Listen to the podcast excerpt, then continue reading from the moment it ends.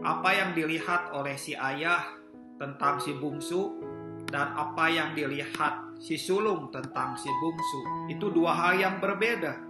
Dan yang lebih ajaib bukan tentang si ayah, bukan tentang si sulung, tetapi tentang si bungsu sendiri.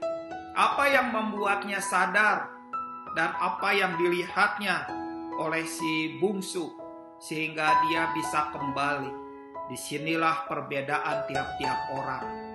Si bungsu bisa sadar, si bungsu melihat momen ilahi masuk dalam hatinya Ketika dia sadar, dia tahu bahwa itu bukan sebuah kesadaran yang biasa.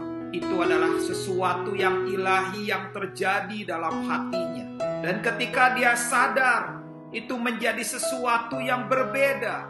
Itu yang menariknya untuk segera pulang ke rumah ayahnya.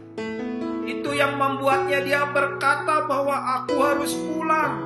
Aku harus meninggalkan tempat dia berada dia harus melangkahkan kakinya dan pergi kembali ke rumah ayahnya. Dan sesuatu yang ilahi itu menariknya. Dan pada hari ini harusnya setiap kita juga mengalami hal yang sama.